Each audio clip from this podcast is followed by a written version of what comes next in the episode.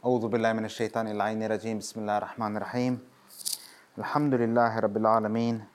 الحمد لله الذي هدانا لهذا وما كنا لنهتدي لولا أن هدانا الله. ثم الصلاة والسلام على أشرف الأنبياء والمرسلين. سيدنا ونبينا وحبيب قلوبنا وشفيع ذنوبنا والطبيب نفوسنا أبي القاسم محمد. اللهم صل على محمد وعلى محمد اللهم كن لوليك الحجة ابن الحسن صلواتك عليه وعلى آبائه في هذه الساعة وفي كل ساعة وليا وحافظا وقائدا وناصرا ودليلا وعينا حتى تسكنه أرضك توعا وتمته فيها طويلا För imamens välgång var vänlig skicka en salvat. Muhammad och Ali Muhammad. Och för att imamen ska vara nöjd över den här samlingen idag, skicka en salvat som är ännu högre. Allahumma salli ala Muhammad och ala Muhammad. Jag ska ta mikrofonen också så vi hör lite bättre. Så, välkomna syskon. Vi kör lite samma stuk som sist. Eh, det vill säga att vi kommer köra föreläsningen på Powerpoint. Och eh, jag ska bara fixa till ekot där. Eko, eko.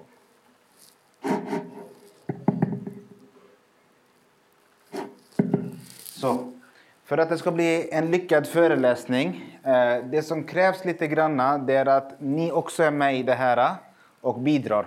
Så att det inte bara blir så att jag står och pratar och att ni lyssnar.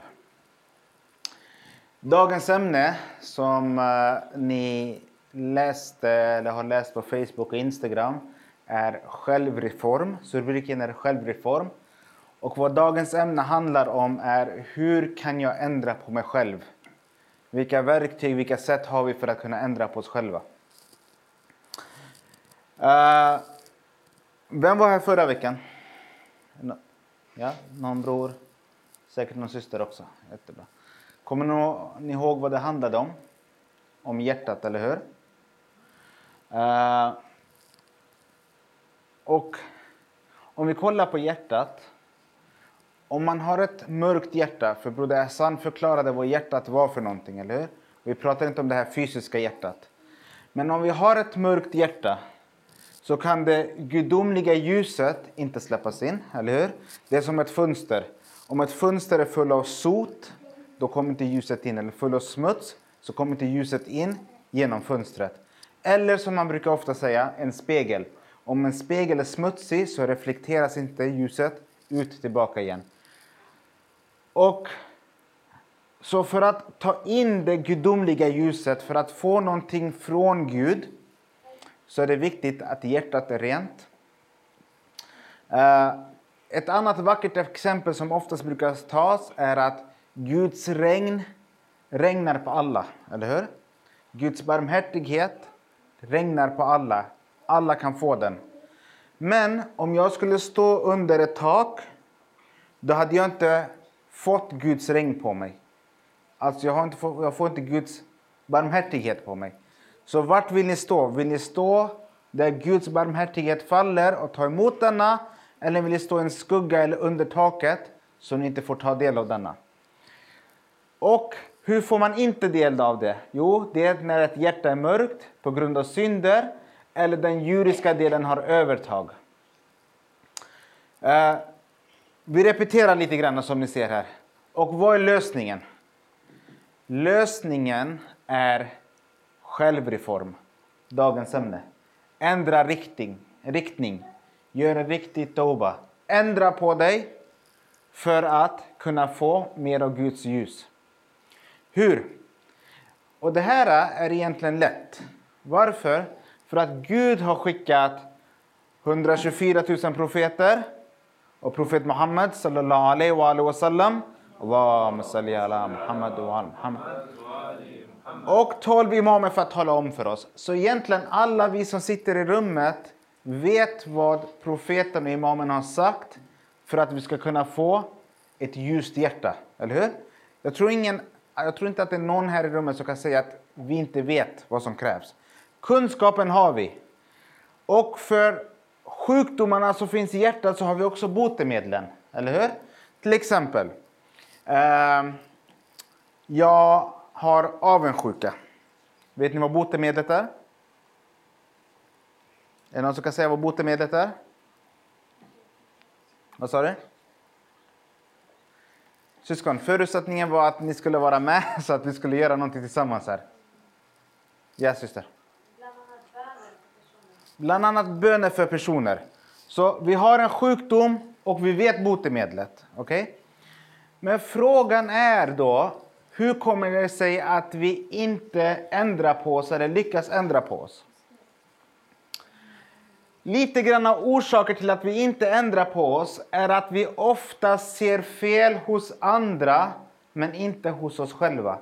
Vi har blickarna utåt, men när det kommer till oss själva så är vi blinda, döva, stumma. Eller hur? Och ibland på grund av världsliga anledningar. Så vi har väldigt svårt att se oss själva. Det här kan ni göra ett test. Ni ser oftast andra och andras fel och brister. Personen X gjorde si, personen Y gjorde så. Men vad har jag gjort? Eller vad gör jag varje dag? Det är lite svårare. Det. Och ibland så upptäcker vi det. Att nej, idag har jag baktalat någon, men det är okej. Okay. Så vi har väldigt lätt att ignorera oss själva. Men om en person Broder Saman baktalar mig så kommer jag sluta prata med honom på en vecka. För det är ont. Men då vi baktalar någon, ah, det är okej. Okay. Det, var, det var inte bra, men det är okej. Okay. okay. Så vi tar väldigt lätt på oss själva. Och resultatet blir också då att eftersom vi tycker att våra synder och våra fel och brister inte är en större sak så letar vi inte efter ett botemedel heller. Vi får minskad självinsikt, så till slut så vet vi inte vilka vi är eller vad vi gör. Vi blir som en som är alkohol eller drogberoende. Jag har, ett, jag, jag har problem med alkoholen, men äh, vem bryr sig? Alltså, vad de säger, för en alkoholist att släppa alkoholen så är första steget att erkänna för sig själv, eller hur? Att jag har ett problem. Samma sak med en rökare. En som röker, så länge han inte säger att jag har ett problem med rökande så kommer han inte inse allvaret.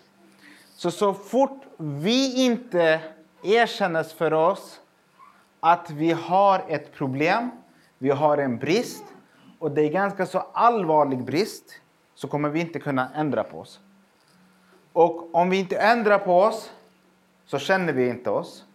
Och en konsekvens av att vi inte känner oss är att vi inte känner vår Herre.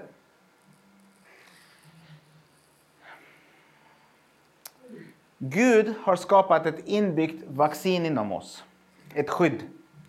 Och det största skyddet han har eh, skapat inom oss är något som skyddar oss mot de här spirituella sjukdomarna.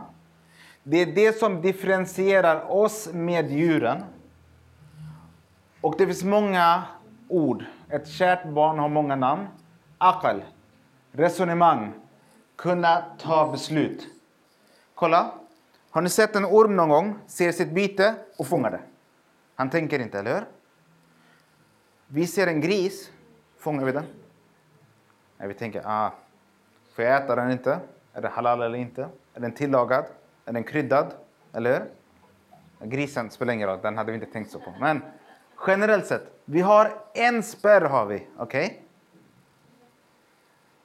Men ett djur har inte den här spärren. Så det finns... Det, akal, resonemanget, är det som skiljer oss och djuren.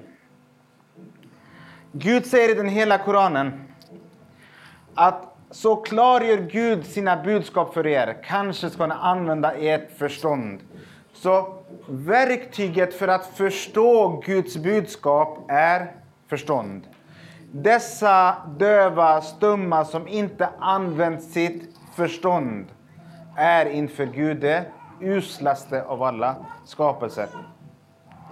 Så ni ser att förståndet, resonemanget, akal, är ett väldigt viktigt verktyg för att vi ska kunna utvecklas och komma närmare Gud. Imam Sadiq salam säger att resonemanget är den troendes vägledare.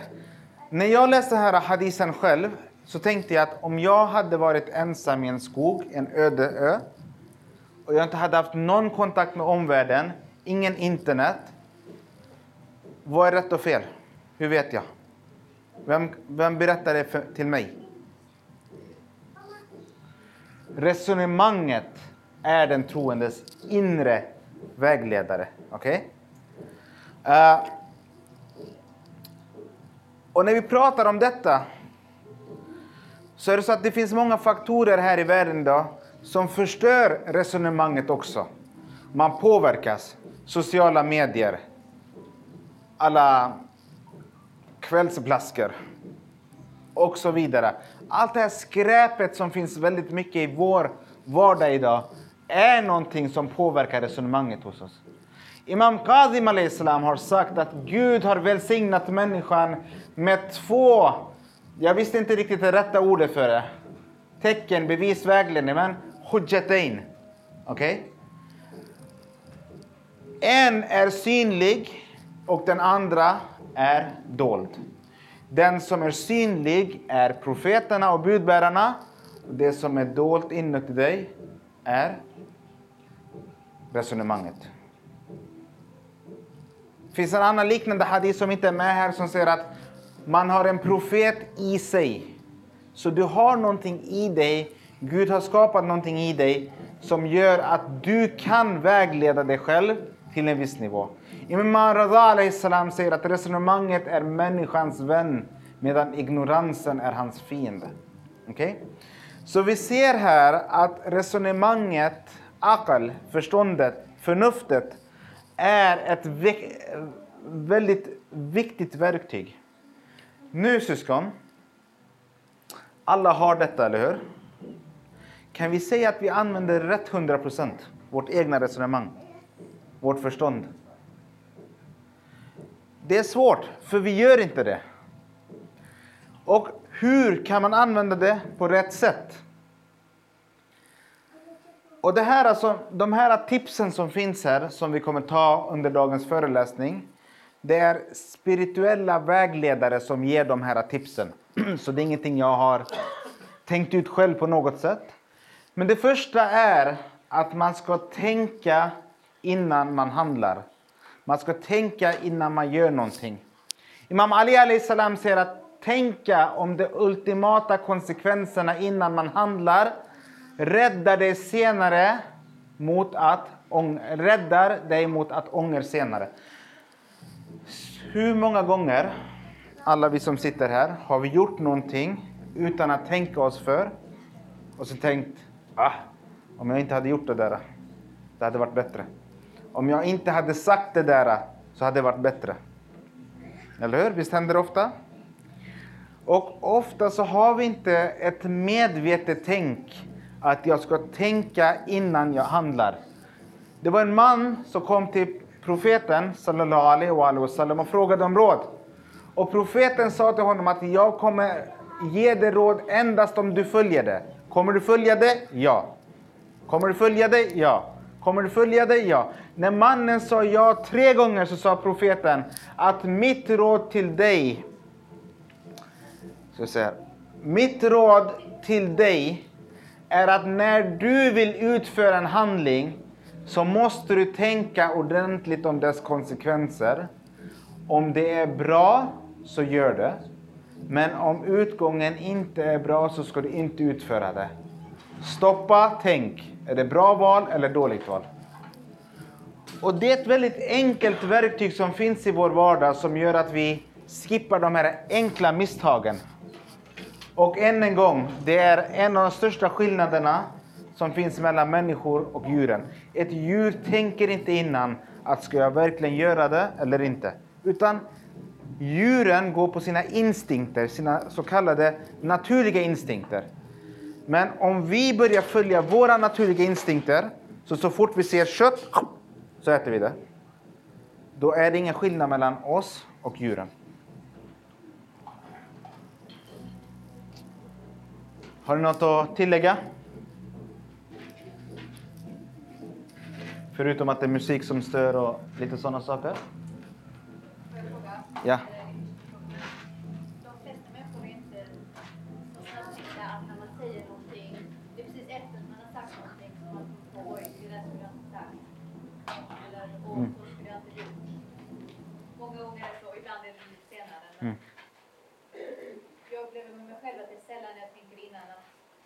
Tänka så snabbt att åh, vad blir konsekvenserna av detta? Både Mm. kortsiktiga och långsiktiga. Vad? Vad tror du lösningen är? För det händer oss alla, eller hur? Hellre i så fall kanske säga mindre, bland annat. Vad är det rekommenderas? Tala mindre, Ja. lyssna mer, eller hur? Det säger man, det, det har ett svenskt ordspråk för det också. Och man säger tala är... Tala till Vä- Ja. Okay? så, så det är någonting som finns, eller hur? Men det andra egentligen, för kolla här, problemet kan bli att det blir tvärtom också. Att ibland när man ska tala så blir man tyst och tvärtom. Okej? Och det som vi, vi har ofta som vi läser om, det är att vanan att tänka och sen agera eller tänka och tala. Man måste få in den här vanan i systemet. Så först i början blir det så, man tänker mycket, talar mindre. Men när man får in den här vanan så blir det så att man tänker mer och talar mer också. Fast man talar efter att ha tänkt automatiskt.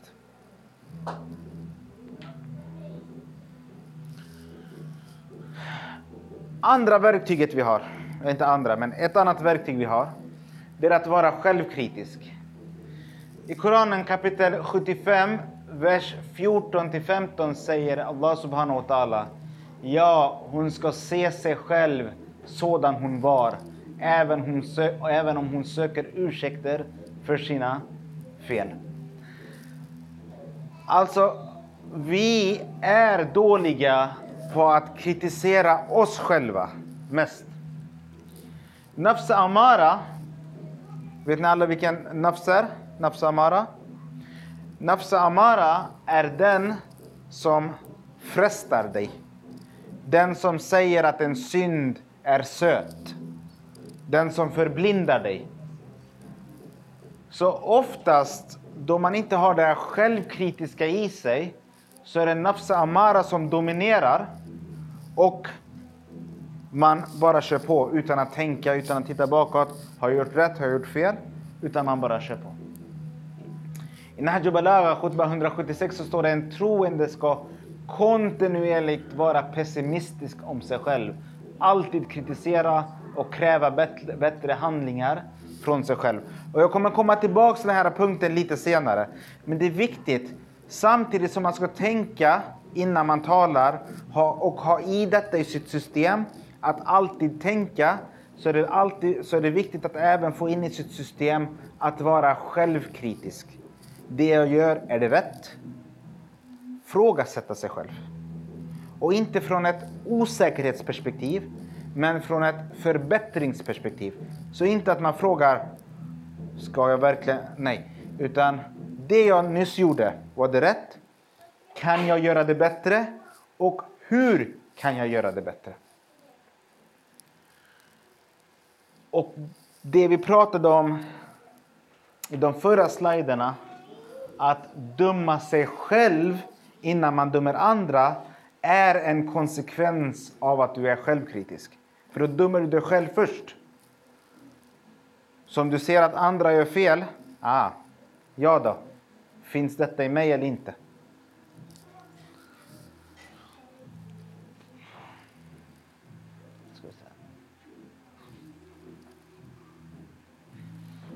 Det här är rådet som våra ARFA brukar ge oss är någonting som är, ett, någonting som är svårt.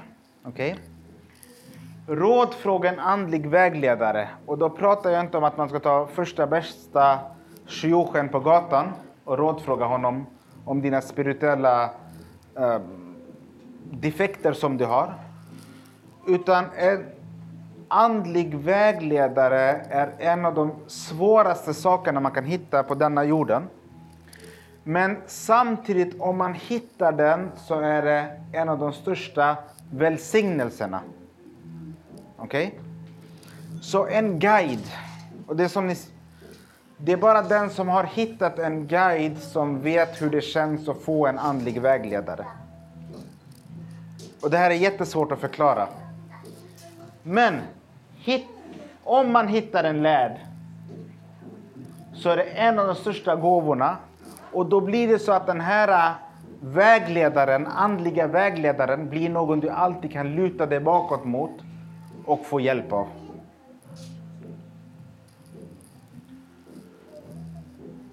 Nästa verktyg. Ta hjälp av ett syskon. Känner ni någon som känner er bra? Alltså vi pratar inte om att de känner er och tycker att er mat är jättegod och liksom uh, och berömmer er för det ni gör. Utan ett riktigt syskon, en bästa vän. Ett islamiskt syskon. Även det är en stor välsignelse. För att ett syskon blir som en spegelbild för dig som kan identifiera vad är du duktig på.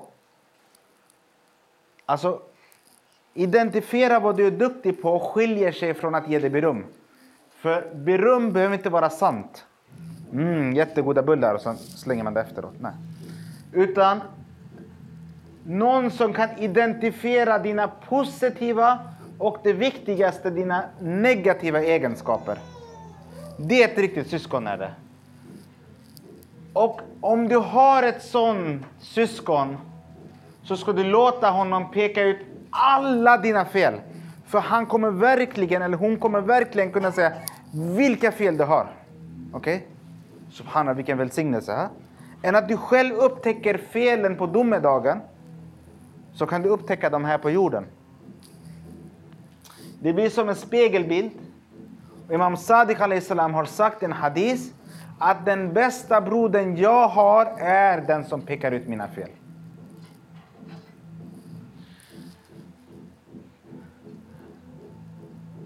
Uh, jag vet inte om det är med i den här sliden eller en annan slide, men det som oftast händer, eller vi återkommer till det.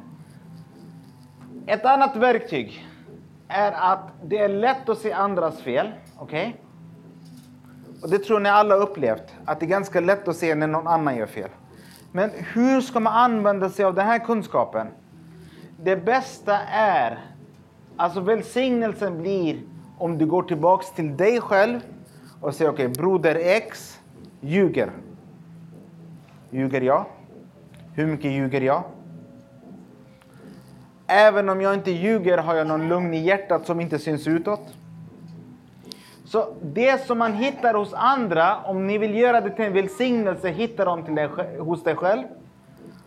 Och profeten sallallahu alaihi wasallam har sagt i en hadith att den som har riktig tur är den som inser andras fel och kan lära sig av andras fel själv.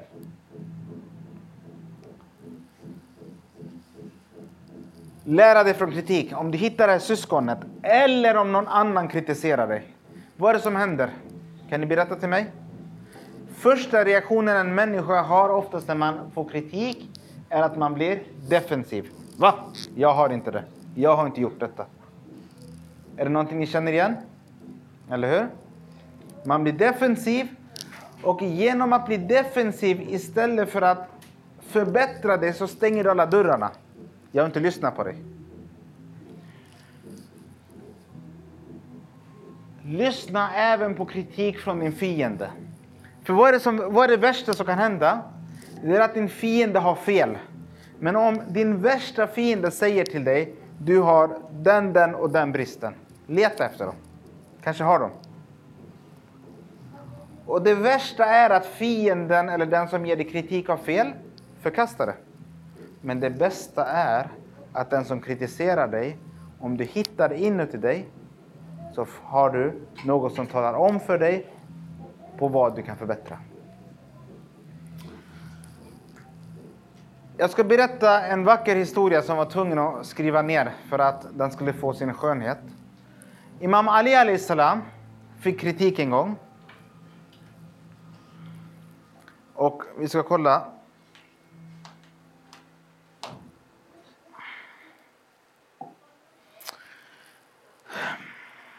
Läs en salawat ala Muhammad.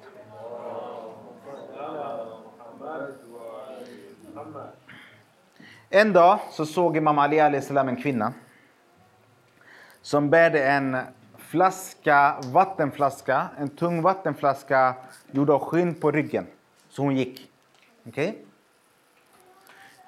Imam Ali Ali salam tog flaskan ifrån henne och frågade kvinnan, kan du berätta om din situation? Varför bär du den här tunga vattenflaskan?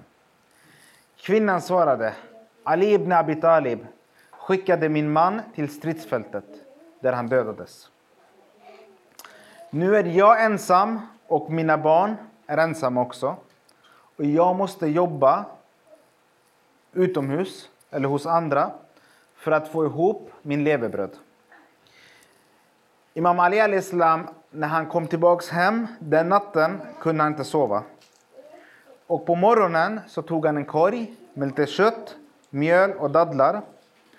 Och han gick till kvinnans hus med dem.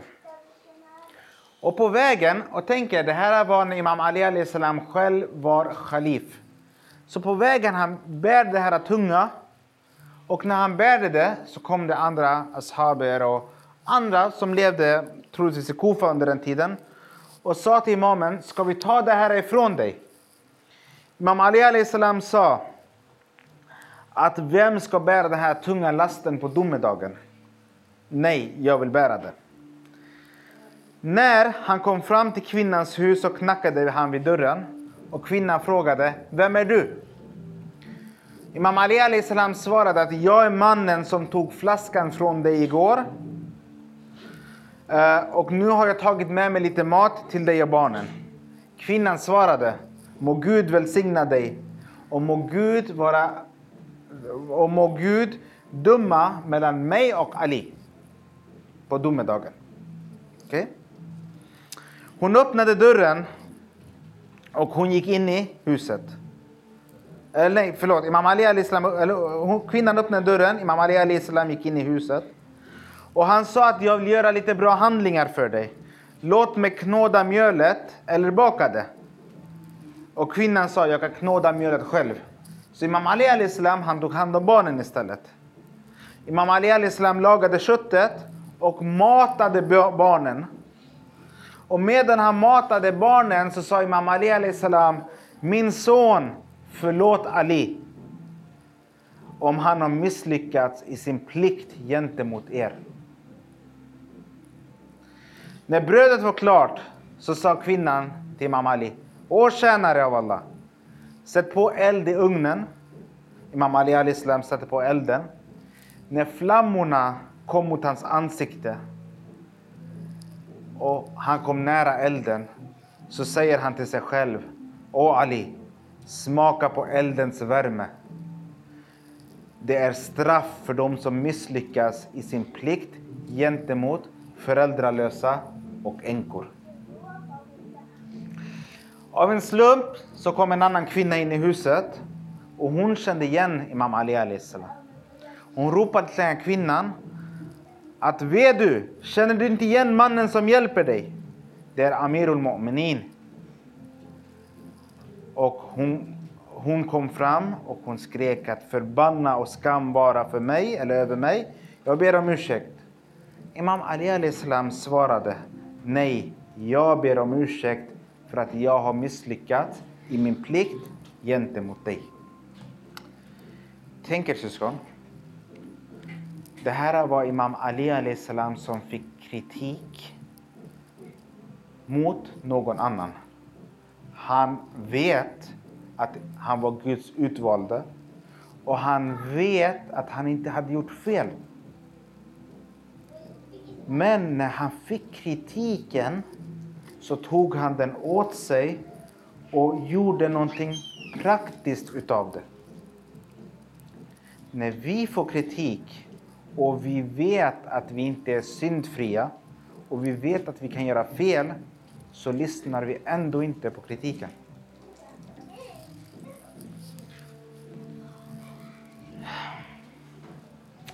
Vi är snart klara, är vi.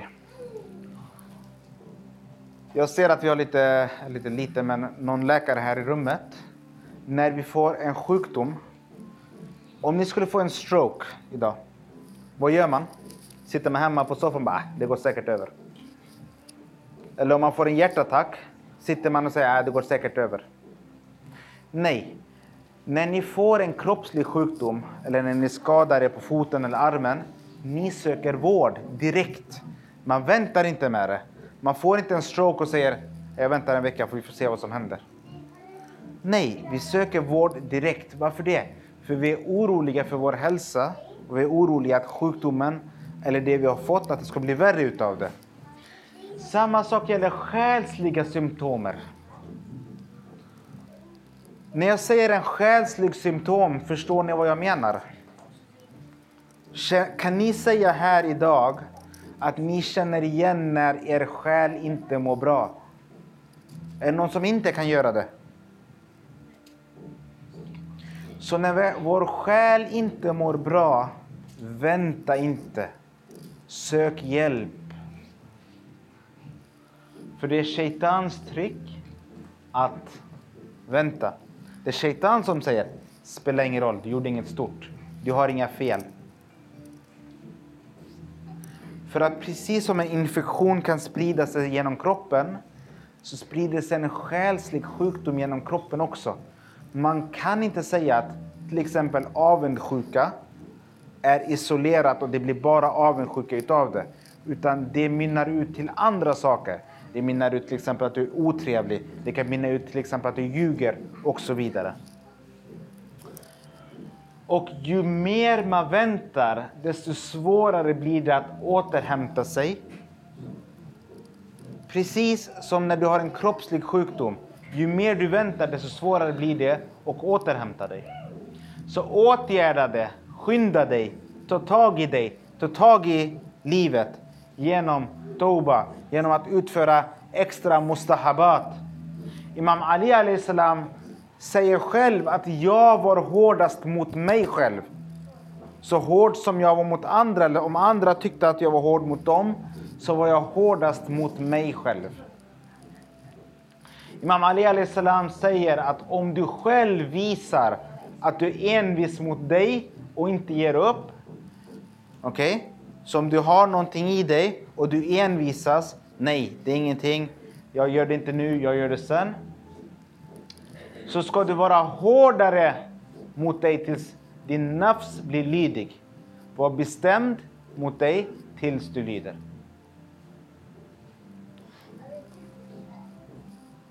Ja, vi kan stänga av. Bra.